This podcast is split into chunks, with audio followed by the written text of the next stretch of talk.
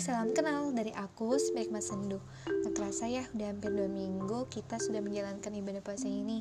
Harapannya, semoga niat ibadah kita di bulan yang penuh dengan keberkahan ini diberkahi oleh Allah Subhanahu Wa Taala. Amin. Oh iya, dari hasil polling kemarin di Instagram aku Hari ini aku mau melanjutkan cerita tentang rangkuman kisah bahagia. Gila.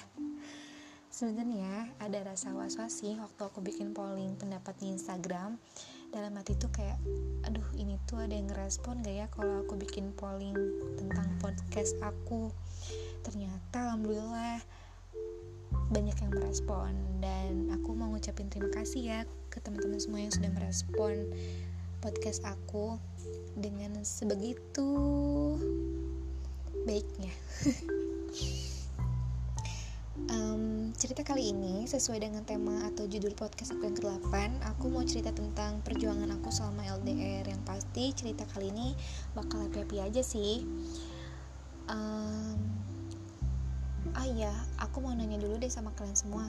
Hubungan jarak jauh tuh banyak uh, cerita senangnya atau cerita sedihnya? Atau seimbang antara senang dan sedih? Hmm, Gini-gini deh entah itu jawabannya banyak cerita sedih, senang atau kedua-duanya juga ngerasa seimbang nggak jadi masalah sih. By the way kalau menurut aku orang-orang yang pejuang LDR itu rata-ratanya orang-orang yang keren. Lah kok bisa keren sih? Iya iya keren soalnya menyatukan dua kepala dengan berbagai persepsi yang bermacam-macam itu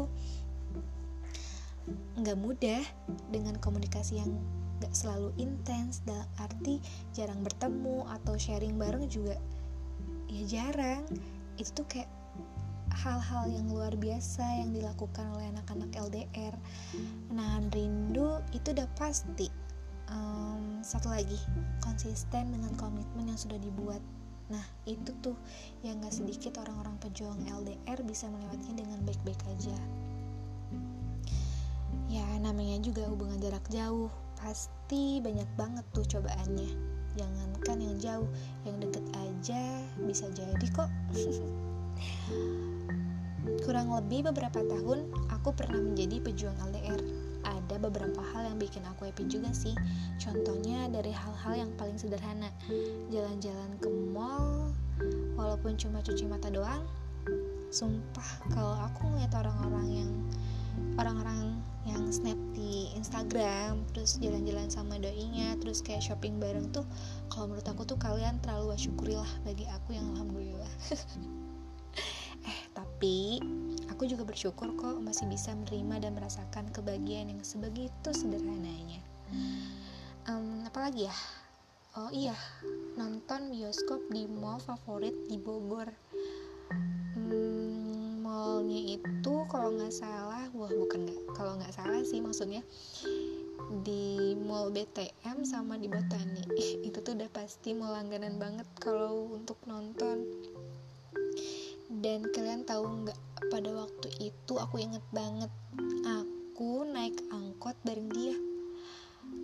Dan aku tuh nggak ngerti banget kenapa dia bisa milih angkot sedangkan ada kendaraan dia ada motor tapi entahlah itu tuh jadi sebuah kenangan yang paling berharga banget dan gak bisa dilupain.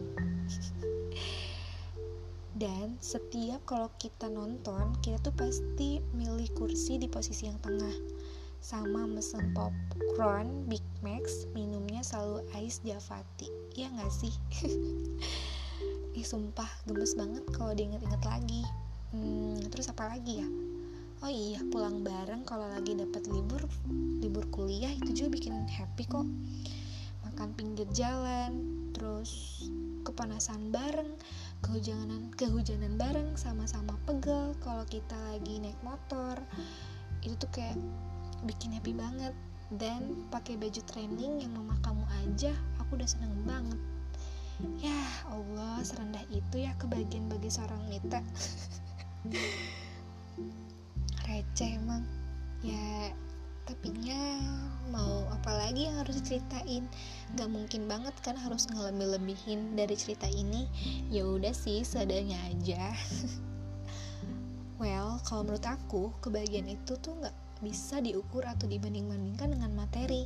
Jadi, kebahagiaan itu terakhir murni dari sesuatu hal atau kejadian yang bikin kamu ngerasa terkesan dan bermakna dalam hidup kamu. Setuju nggak?